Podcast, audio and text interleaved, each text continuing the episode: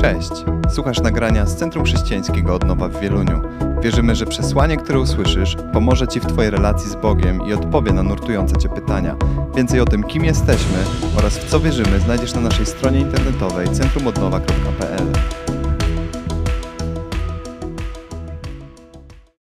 Tydzień temu zaczęliśmy, zaczęliśmy serię, e, która w mojej ocenie e, jest bardzo głę- głęboką serią. Jak zawsze mówimy o tym, żeby, jeżeli mówimy o serii, to żeby patrzeć na pełen obraz przez pryzmat kilku kazań, nie tylko jednego, bo to daje nam szerszą perspektywę.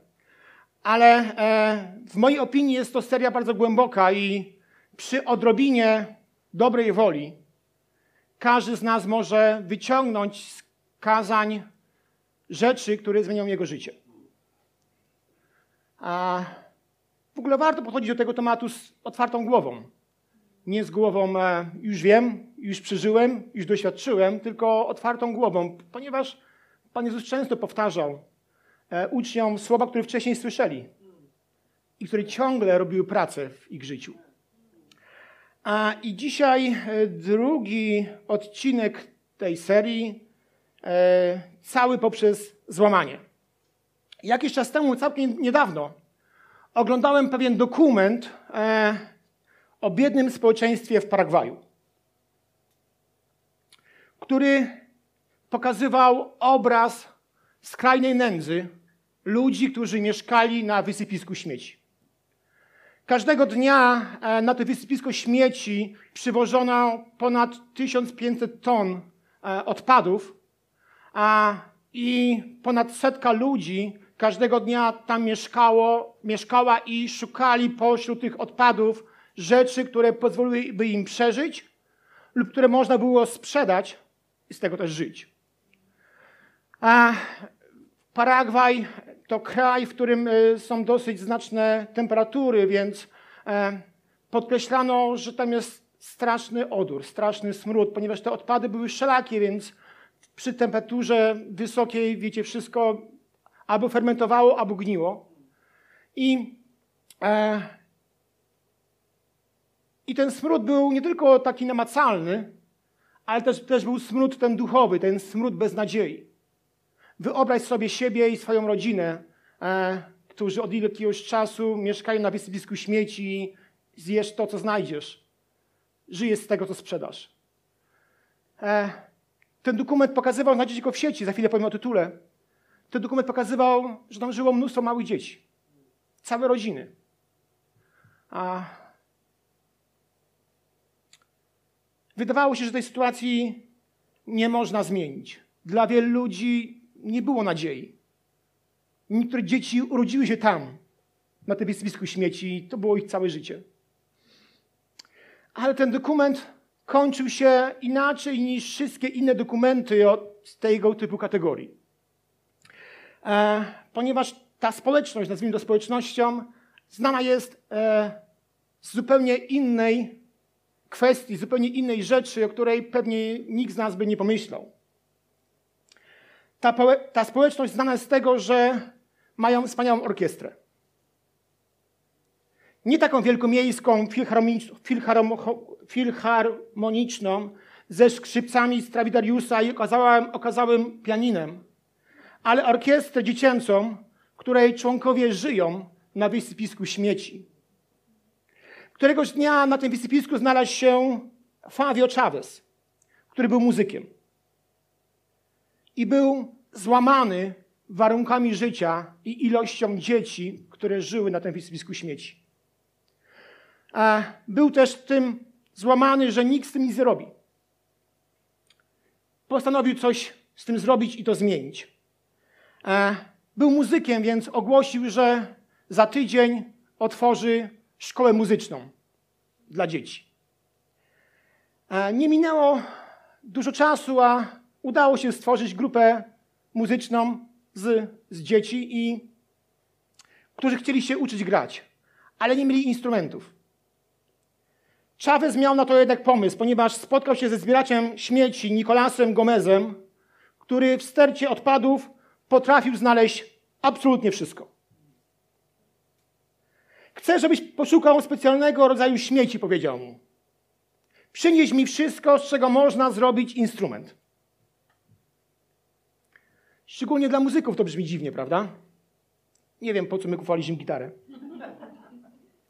Ale z tych odpadów zrobili wiolonczele z puszki po oleju i starych naczyń kuchennych. Flet z maleńkich puszek. Zestaw perkusyjny ze zdjęć rentgenowskich. Skrzypce ze zdezelowanej aluminiowej misy na sałatę. Ze strunami naciągniętymi na widelce. A prawdopodobnie, gdybyśmy odwiedzili to miejsce, to byśmy zaczęli, zobaczyli i poczuli smutek, który się wyłania z tego miejsca. Chavez zobaczył i usłyszał to, nie to, co było, ale to, co mogło być. Usłyszał muzykę wyłaniającą się z nędzy. Muzykę nadziei i założył orkiestrę, która znana jest obecnie jako Landfill Harmonic. Spotkałem się z tłumaczeniem, że to jest harmonia wysypiska śmieci. W sieci sobie to zobaczycie, nie ma na to czasu, ale grają świetnie. I ta nazwa dla Chaveza nie była przypadkowa. Nie nazwał tej orkiestry tą nazwą przypadkową. Bo ona ma ogłaszać, że można żyć w norze, ale ciągle coś znaczyć. Można żyć na wysypisku śmieci i być kimś. Czytając Biblię, wydaje się, jakby muzyka Landfill Harmonic rozbrzmiewała na każdej jej stronie. Słyszymy ją, ponieważ znamy całą historię. I widzimy powiązania, że Jezus Chrystus opuścił tron w niebie dla ziemskich slumsów, dla ludzi mieszkających na ziemskim wysypisku śmieci, dla ludzi żyjących w kulturze wyrzucenia, bo w takiej kulturze żyjemy. Nazwali go głupcem, błędnie myślącym fanatykiem, otaczała go, na, otaczała go beznadzieja, ale nawet jeśli dałbym ci możliwość stukrotnego zgadywania, co może zrobić z człowiekiem, który go znajduje, nie wpadłbyś na to, jak wielkim skarbem ten człowiek byłby, czy jest po znalezieniu. Co Jezus może zrobić z wyrzuconych i odrzuconych ludzi? Zniszczonych ludzi i ich fragmentów życia. Tak jak Chavez, tak też Bóg został złamany tym, co widział na ziemi co słyszał na ziemi i postanawia zesłać Jezusa Chrystusa, aby stał się człowiekiem i zamieszkał na ziemi. Aby używając do tego swojego przykładu, mocy i nauczeń, stworzył orkiestrę z ludzi, którzy w dużej mierze byli odrzuceni, wyrzuceni, zagmatwani i zniszczeni. Stworzę z tych ludzi swoją orkiestrę. Zaopatrzę ich w narzędzia i dam im instrumenty. To się dzieje, gdy powiedział: Zbuduję kościół mój. Najbardziej chyba znana lekcja Jezusa nosi tytuł Ukazanie na górze. Przy czym góra jest miejscem, w którym zaczyna on nauczać swoich uczniów o nowej drodze życia i właśnie tam wprowadza Boże Królestwo na ziemskie wysypisko śmieci. A to sprawia, że ludzie czują się niewygodnie, bo tak jak pomysły Chaveza, takie działania są sprzeczne z tym, co ludzie myślą i co sobie wyobrażają. To właśnie tam mówi, że góra jest na dole, a śmieci to skarb. Piąty rozdział Ewangelii Mateusza, który mówi o tym nauczaniu, zaczyna się od słów. Jezus, widząc te tłumy, wstąpił na górę, a gdy usiadł, rozłożyli się przy nim jego uczniowie. Wtedy zaczął do nich przemawiać. Rozpoczął tymi słowy. I pewnie, jeżeli jesteś do mnie podobny, to od razu to pomijasz, idziesz dalej, patrząc na słowa, które Jezus mówi. Ale dzisiaj troszkę inaczej. Zatrzymamy się na tym wersecie. Góra, na którą się wspiął Jezus, znajduje się prawdopodobnie nad jeziorem galilejskim. Dlaczego akurat tam? Dlaczego akurat w tym miejscu Jezus spiął się na, górze, na górę i dlaczego mówi to bardzo wymowne nauczanie.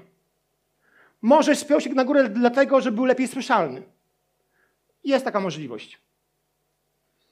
Ale też spiął się na górę, dlatego że w tamtym czasie, tamtym terenie, na tamtym terenie, właśnie w terenie górzystym, ukrywało się wielu ludzi odrzuconych i ludzi mających inne poglądy niż ogół społeczeństwa. To było miejsce górzyste i tam się ukrywali, ponieważ trudno było ich złapać. Trudno było ich znaleźć. A więc Jezus przybywa na wysypisku śmieci i do tych śmieci przemawia. Ludzi odrzuconych, często rewolucjonistów. Sam staje się rewolucjonistą i mówi o rzeczach, które naprawdę nie mieściły się w głowie. Sam, będąc odrzuconym, mówi do odrzuconych. O Królestwie Bożym, dla którego jeden śmieć to jeden skarb. Jezus jest rewolucjonistą, który wszedł na górę i do tych ludzi przemawia. Mówi o tym, że, że królestwo tego świata musi być ściągnięte w dół, a królestwo Boże musi być wywyższone. Mówi, że nowe królestwo ma nowe zasady, z których wiele to przeciwieństwa tych starych. Jednak nie koncentruje się na namacalnych zasadach, prawach i zasadach. Nie interesują go też różne aktualne wydarzenia. Nie ucieka w politykę. Nie mówi o Rzymianach. Wszystkie te kwestie są ważne, ale dotyczą sfer ziemskich, a on mówi o wieczności. Mówi o tym, co trwałe, o tym, co życiodajne. Mówi o tym, że musi zostać złamane to wszystko, co jest w nas, aby to mogło ożyć. Jezus mówi, że Boże Królestwo zaczyna się w człowieku wtedy, gdy dochodzi, dochodzi do końca samych siebie. Dochodzi do końca samego siebie i swoich możliwości. I gdy już nie masz nic do zaoferowania, wtedy zaczyna się Boże Królestwo. Mówi o tym, że Królestwo zaczyna się od zrobienia inwentaryzacji i rozpoczęcia od zera. Jest, jego nauczanie jest dokładnie przeciwieństwem, przeciw, przeciwieństwo każdego założenia, które proponuje człowiek na tej ziemi. I ilustrację tego widzimy choćby w siódmym rozdziale Ewangelii Łukasza. W tym rozdziale Łukasz zaprasza nas na obiad do domu Szymona. Szymon, czy był Szymon zwolennikiem Jezusa? Nie sądzę. Ten tekst mówi zupełnie o czymś innym, ale zaprasza Jezusa z jakiegoś powodu. Spójrz na ten tekst. On jest troszkę długi, ale Boże Słowo nigdy nie za długie. Pewnego razu któryś z faryzeuszów zaprosił Jezusa na wspólny posiłek. Jezus zatem wstąpił do jego domu i zajął miejsce przy stole. Była zaś w tym miejscu, w tym mieście pewna kobieta, która prowadziła grzeszne życie. Wiedząc, że Jezus siedzi przy stole w domu faryzeusza, przyniosła alabastrowy flakonik pachnącego olejku, stanęła z tyłu u stóp Jezusa, rozpłakała się i swoimi włosami zaczęła ocierać łzy padające na jego stopy. Całowała je przy tym z czułością i namaszczała olejkiem. Na ten widok faryzeusz, który go zaprosił, pomyślał, gdyby ten człowiek był prorokiem, zdawałbyś sobie sprawę, kim i jakiego rodzaju jest ta kobieta, która go dotyka, że to grzesznica. Wówczas Jezus odezwał się do niego: Szymonie, mam ci coś do powiedzenia.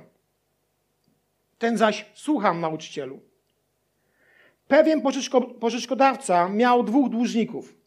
Jeden był mu winien 500 denarów, a drugi tylko 50. Ponieważ nie mieli z czego spłacić długu, obydwu go umorzył. Który więc z nich będzie kochał go bardziej? Szymon powiedział, przypuszczam, że ten, któremu więcej umorzył.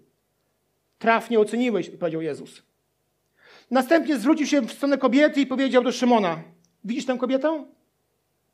Szedłem do twojego domu, a ty nie podałeś mi wody do nóg. Ona za to łzami oblała moje stopy i otarła swoimi włosami. Nie powitałeś mnie pocałunkiem, a ona od chwili mojego przyjścia nie przestaje całować moich nóg, moich stóp. Najzwyklejszą oliwą nie namaściłeś mi głowy, ona zaś pachnącym olejkiem namaściła mi stopy. Dlatego posłuchaj, mocno mnie pokochała, bo przebaczono jej wiele grzechów. Komu mało się przebacza, słabo kocha.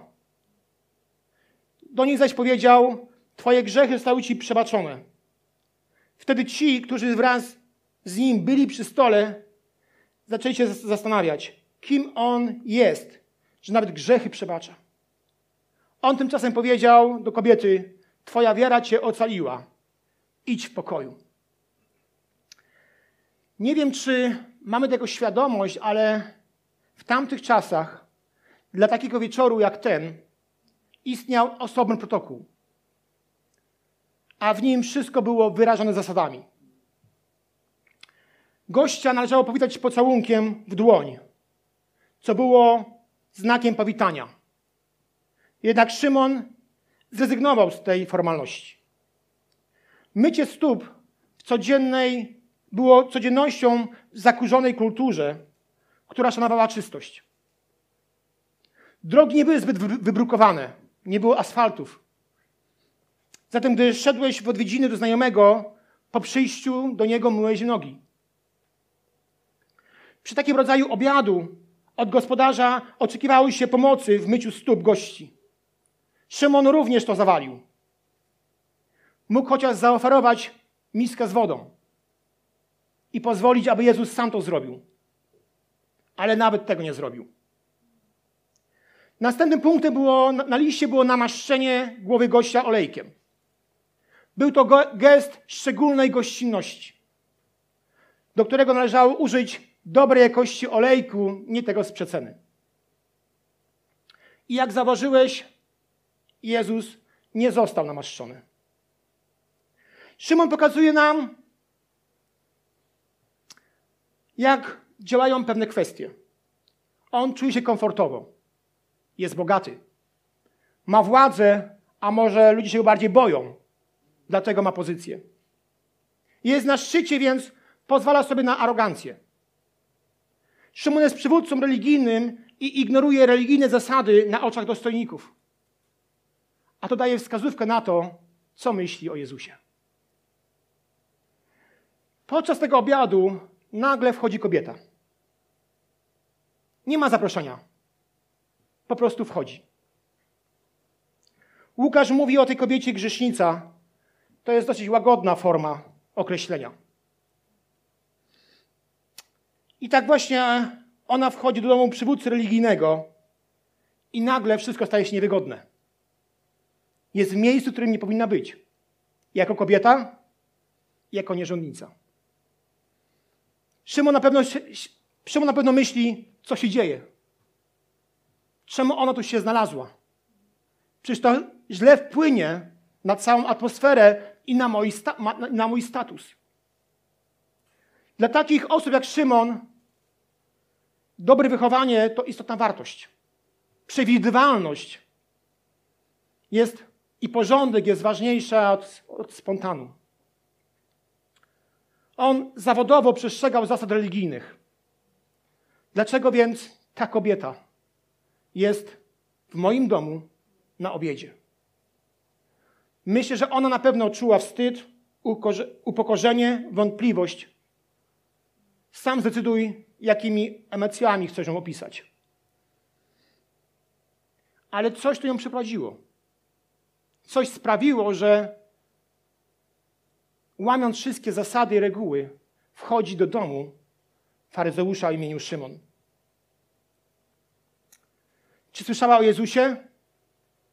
A może stała u stóp, u stóp góry, z której Jezus mówił o królestwie?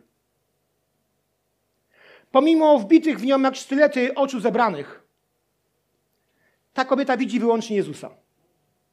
Nie ogląda się na innych, bo wie, że te sztylety mogą ją ugodzić. Myśli, że zawstydzona, upokorzona, patrzy w podłogę, bo boi się podnieść swego wzroku. Ale w pewnym momencie podnosi swój wzrok i widzi, że widzi ją Jezus. Albo może powinienem to ująć inaczej. Kobieta widzi wyłącznie to, że Jezus ją widzi. W jego oczach nie ma żadnego sądu. On nie patrzy na nią jak na worek śmieci, który trzeba wyrzucić albo wynieść. Ona jest złamana i to wie, że to złamanie widzi Jezus. To jest dla niej najważniejsze. Wyobraź sobie tą scenę. Jezus opiera się o stół, nie ma krzeseł. Ludzie spoczywają na podłodze, opierając się łokciami na poduszkach. Ich, zna, ich nogi znajdowały się daleka od stołu. Czasami próbuje ten zwyczaj w swoim domu przy obiedzie wprowadzić, żona nie pozwala. Ta kobieta, podchodząc do Jezusa, kieruje się najpierw do jego stóp. Nie idzie do jego tułowia, tylko idzie do jego stóp. Stóp, które są brudne, bo Szymon nie chciał ich umyć. W tym momencie zapada cisza. Szymon nie jest sam. Jest kilka, może kilkanaście osób na tym obiedzie. I każdy sobie myśli, co teraz się wydarzy. Ta scena to lepsza niż cały, całe Gwiezdne Wojny. Nie mówiąc o The Office. Rozgląda się niepewnie, ale idzie do jego stóp. Nie ma wody. Zaczyna płakać. Najpierw jedna kropla, jedna łza, później dwie, później cała kaskada. I nagle te łzy zaczynają myć stopy Jezusa. Paradoks. Kobieta odrzucona myje nogi.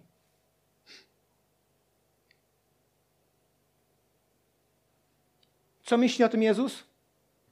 Myślę, że zrobiła mu dzień. Myślę, że jej postawa wpłynęła na jego samopoczucie. Że gdy ją widzi, uśmiecha się i mówi: Wow, piękna postawa. Jak powiedziałem, z jej oczu zaczynają płynąć, płynąć łzy. Najpierw jedna, potem dwie, potem cała kaskada.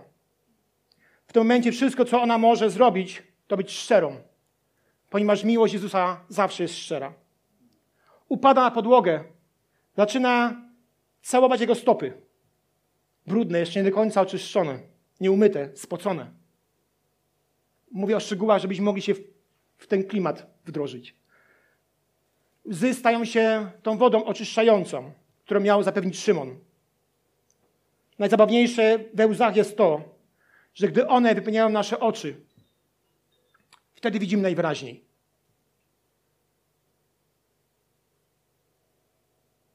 Gdy łzy wypełniają nasze oczy, wtedy widzimy najwyraźniej. Bo to często współczucie, miłość. Mówię o tym, co widzimy. Ona wie, że stopy są nieumyte. Jest dla niej zupełnie jasne, że co teraz powinna zrobić. Ale nie może prosić o ręcznik.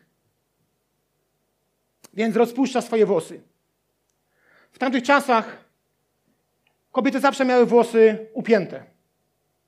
Jeżeli kobieta rozpuściła włosy dla mężczyzny, który nie był jej mężem, stanowiło to podstawę do rozwodu. Więc wyobraźcie sobie, ona na oczach dostojników żydowskich, duchowych przewodników, rozpuszcza swoje włosy. Dla nich to jest koniec gry. To był wielki akt nieprzyzwoitości. Musimy sobie, możemy sobie wyobrazić zdumienie, jakie zapanowało w tym pomieszczeniu. Ona tymi rozpuszczonymi włosami zaczyna wycierać stopy Jezusa. Szymon mógł przynieść ręcznik, wcześniej przynieść wodę ze studni,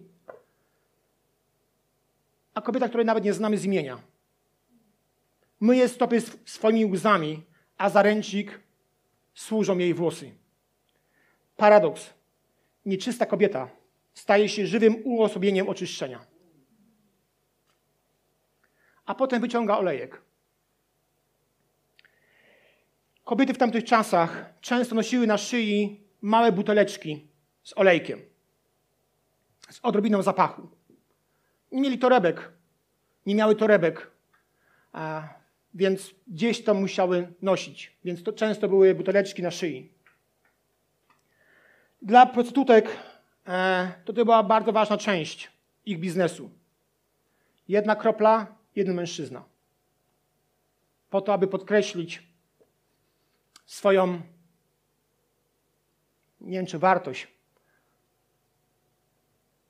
zainteresowanie mężczyzn. Robiły to po to, aby po prostu były bardziej atrakcyjne. Mimo, że na stopy Jezusa wystarczała jedna kropla, bo tak było w zwyczaju. Ona opróżnia całą butelkę. Wylewa całą butelkę, co pokazuje dla mnie, pokazuje, że mówi, ja już tak nie potrzebuję. Mi już te krople nie będą potrzebne. Już nie będzie żadnego mężczyzny. Wylewam wszystko, bo kończę z tamtym życiem. I już nie będzie żadnego, żadnej kropli zapachu, żadnego mężczyzny. Daje wszystko, co ma, ponieważ on zmienił wszystko, czym ona jest. Wiem, że w tych czasach jest to fajna historia, ale ciągle podkreślam dramat tej sytuacji w tamtych czasach. Ludzie myśleli, to skandal. To się nie może wydarzać. To jest tak grube, że tego się nie da opisać. A ona nie przestaje całować jego stóp. Nie, nie przestaje tych stóp wycierać. Odwraca rytuał kompletnie do góry nogami. Jezus pozwala na to, aby zakończyła i później zwraca się do ponoć sprawiedliwego, sprawiedliwego mężczyzny i ponoć grzesznej kobiety.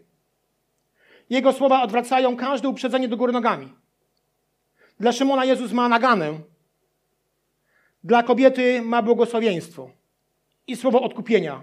Twoje grzechy zostały dziś przebaczone, mówi. Ta historia pokazuje przede wszystkim złamaną kobietę. Ale też mówi o Szymonie. I chciałbym chwileczkę o nim powiedzieć. Szymon był w jednej z, naj, z najbardziej e, trudnych szkół. Przez pier, pierwsze 12 lat spędził ucząc się na pamięć pierwszych 12 księgi, ksiąg Biblii czyli jedna księga na rok. Do ukończenia 15 roku życia znał już na pamięć cały Stary Testament.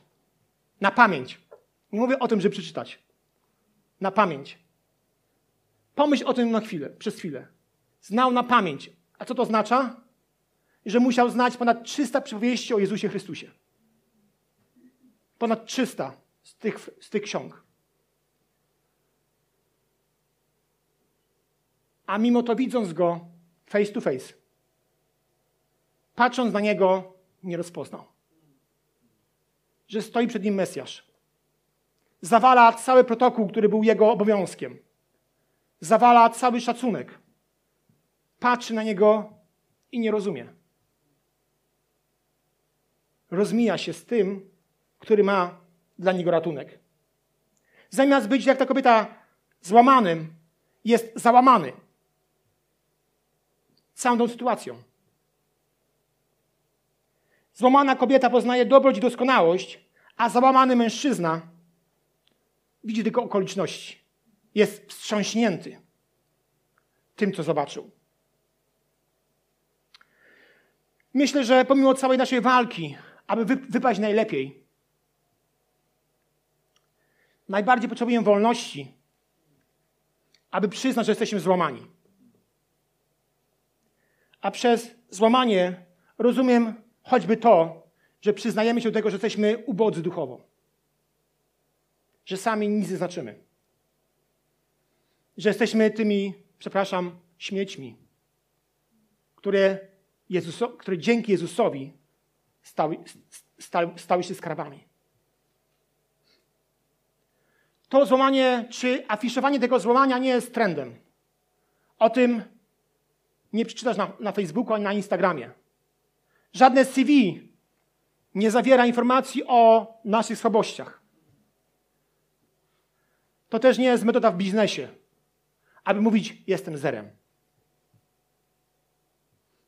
Sam nic nie znaczy. Wszyscy piszą o tym, jacy są wspaniali i piękni. I rozumiem. ale w Bożym Królestwie drzwi są otwarte dla ludzi, którzy mówią, jesteśmy ubogimi w duchu. Nie, nic nie wiemy, nic nie rozumiemy, ale dzięki Bogu to daje, On daje nam wartość i daje nam możliwość, aby rozumieć i widzieć. Zauważ, że w całym fizycznym świecie rzeczy złamane tracą swoją wartość. Szkło, naczynia, meble, to wszystko się wyrzuca, gdy jest złamane. Dlatego kultura wyrzucenia. Skazy to dla tych rzeczy coś śmiertelnego. Ale w świecie duchowym prawdą jest odwrotność tej zasady. To, co złamane, jest cenne. Bo w złamanych ludziach objawia się Boża piękno. Objawia się Boża mądrość. Objawia się Boża miłość. Gdy jesteśmy sami zapakowani myślami o tym, jak jesteśmy doskonali, tam nie ma miejsca na złamanie. Tam jest miejsce na najpiękniejsze CV, najpiękniejsze zdjęcia. Skazy są początkiem, a złamanie prowadzi do całości. Bóg potrafi to, co złamane, złożyć w całość. Bierze to, co pominięte, niedocenione, pozostawione, skreślone, zniszczone, a potem robi to, co tylko On potrafi. On uwielbia składać to, co złamane, w coś pięknego. Któregoś razu prorok Jeremiasz został wysłany przez Pana do, do domu garncarza, gdzie miał oczekiwać na kolejne wskazówki. Gdy tam dotarł, zobaczył, jak garncarz pracuje przy swoim kole, łącząc ze sobą wodę z gliną, tworząc dzban. Jednak czasami palce potrafiły zawieść garncarza. I wtedy dzban miał skazę. Coś, czego by nikt nie kupił. I czytamy, że Księga Jeremiasza, 18 rozdział, 4 werset. Ilekroć naczynie, które formował z gliny, nie udawało się, przerabiał je na inne naczynie. Takie, jakie w danym przypadku uznał za właściwe. Prorok patrzył, jak garncarz niszczy naczynie i z tej samej gliny lepi coś innego. Tworzy coś innego. Potem Jeremiasz otrzymał kolejne instrukcje. Szósty werset, ten sam rozdział. Czy podobnie jak ten garncarz, nie mogę postąpić z wami, domu Izraela? Oświadcza Pan? Oto jak glina w ręku garncarza, tak wy jesteście w moim ręku, domu Izraela. Obraz Boga, który siedzi przy kole i lepi dzban, jest jednym z najbardziej krzyczącym do ludzi obrazem. Ten obraz mówi o tym, że Bóg nie wyrzuca to, co jest złamane, to, co jest niedoskonałe. Nie wyrzuca je na stertę śmieci, na kolejne wysypisko śmieci. Ale nawet jeżeli coś jest niedoskonałe, to on ciągle na tym pracuje. Na nowo formuje. Na nowo w swoich rękach stwarza. I robi z tego narzędzie, które jego zdaniem powinno być. Ta sama glina ten sam produkt, ale wszystko na nowo stworzone. Od nowa. Sztuka tkwi w nieskończonej ilości możliwości. Jeden kawałek daje wiele możliwości. Takim jest właśnie ludzkie życie w rękach Boga. Kiedyś marzę o tym, żebyśmy zrobili sobie wieczór świadectw co nam się życie nie, nie udało. W którym moglibyśmy mówić nie świadectwa, jak jest fajnie, tylko wyrażali swój ból, jak jest ciężko, gdy na coś czekamy. Jak sobie radziliśmy z tym, czego nie dostaliśmy. Jak przyszło coś, czego się spodziewaliśmy. Myślę, że na nasze życie wpływ mają dwie siły. Ciemna i jasna. Ciemna chce cię zniszczyć, a jasna chce cię złamać. Są okoliczności, w których ewidentnie wiem, że Bóg chciał mnie złamać. To nie miało nic wspólnego z diabłem. To miało dużo wspólnego tylko wyłącznie z Bogiem. ponieważ było we mnie coś, co Bogu się nie podobało. I dopuszczał do pewnych okoliczności, w których czułem się jak w imadle.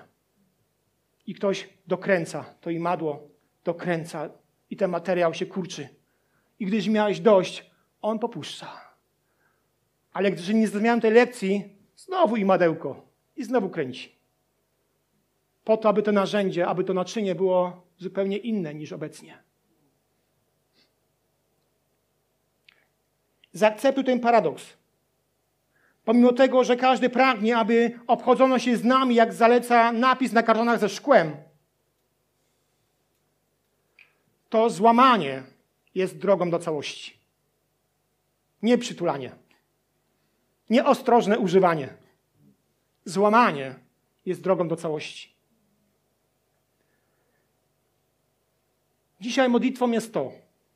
Boże, weź ten kawałek gliny i stwórz z niego naczynie, które Twoim zdaniem powinno być zrobione. Nie tak, jak ja chcę, ale tak, jak Ty chcesz.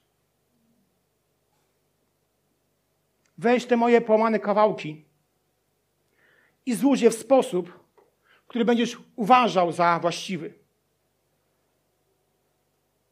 Pytanie brzmi tylko takie: czy chcemy się o to pomodlić? Bo jak powiedziałem, każdy z nas, nie, nie, nie, niezależnie od tego, w jakim miejscu jesteś, chce, aby się, się z nami obchodzono, jak z kartonem, jak, jak z kartonem ze szkłem. Czy pozwolisz na złamanie? Czy powiesz Bogu, Boże, jest we mnie wiele cielesności. Jest wiele we mnie rzeczy, które naprawdę muszą ulec złamaniu. Bo tak się dalej nie da. Wiecie, to mnie wczoraj dotknęło. Czytamy o tym, że Bóg nas kocha miłością bezwarunkową. I myślę, że każdy z nas powie Amen. Ale doszło mnie inne pytanie. Czy ja kocham Boga miłością bezwarunkową?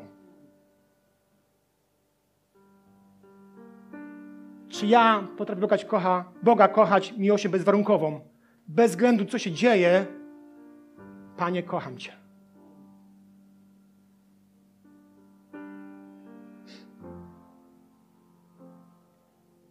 Czy chcemy zakryć wszystkie swoje pomyłki, skazy czy blizny, czy je pokazać i dać Bogu, mówiąc, Boże, ulep coś lepszego z tego. Myślę, że Bóg patrzy na nasze złamanie w sposób, jak który przypomina proces noszący nazwę kintsugi.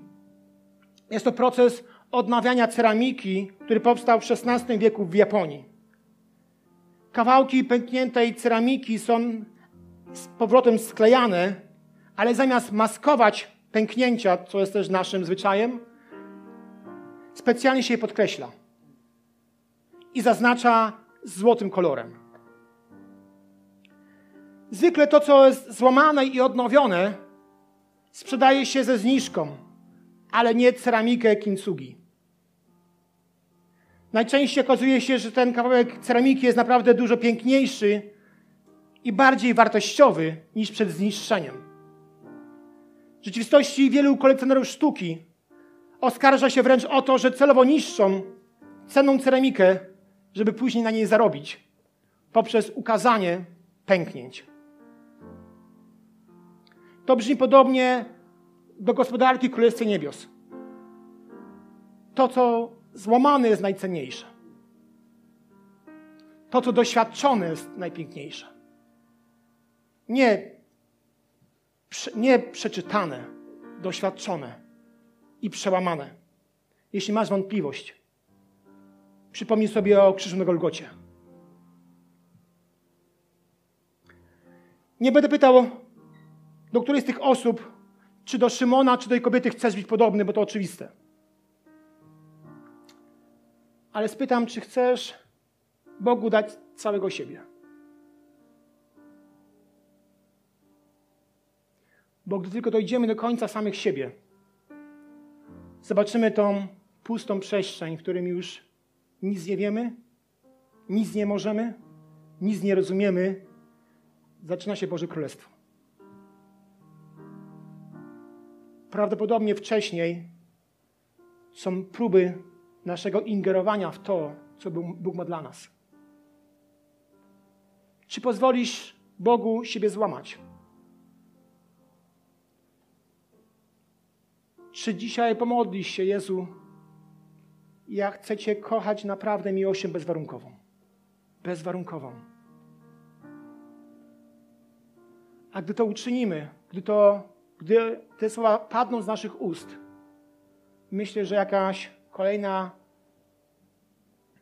płaszczyzna złamania będzie w naszym sercu.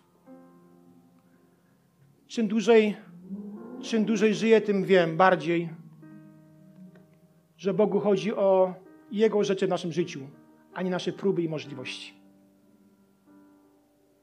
Możesz pięknie kochać ludzi swoją miłością, ale czy o to w tym chodzi?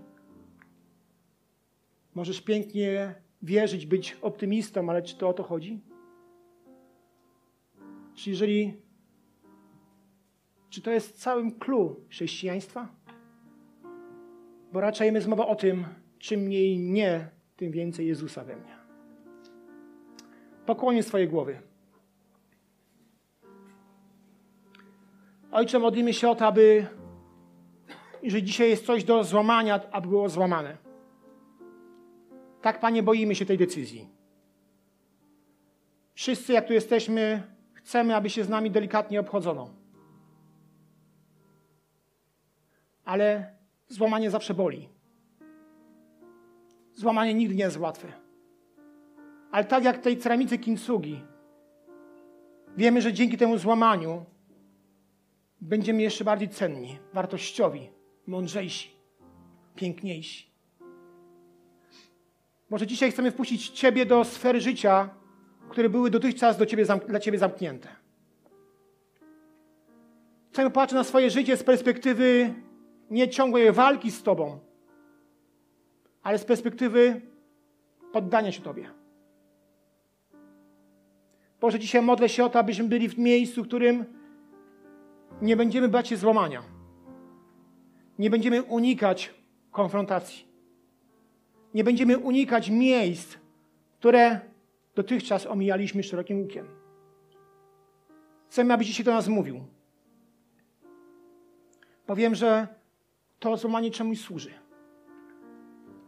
Pani dzisiaj sprawa, abyśmy odkryli koniec samych siebie. Gdzie jest ten kres? Gdzie jest ta granica? Ojcze, modlimy się o to. Błogosław każdego z nas. I dziękujemy Ci za to, że możemy być w Twoim ręku. I choć jak w tym imadle trochę boli, to wiemy, że Ty trzciny nadomanej nie dołamiesz. Że popuścisz po to, abyśmy mogli nabrać nowych sił. Dziękuję za Kościół. Za to, że większość z nas to w oczach ludzi, przepraszam, są śmieci.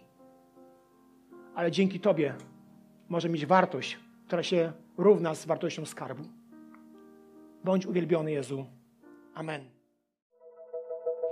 Dziękujemy, że byłeś z nami. Wierzymy, że przesłanie, które usłyszałeś, zachęca Cię do bliższej relacji z Bogiem oraz poznania nas osobiście. Zapraszamy Cię do odsłuchania kolejnych nagrań, a także skorzystania z naszej strony internetowej centrumodnowa.pl.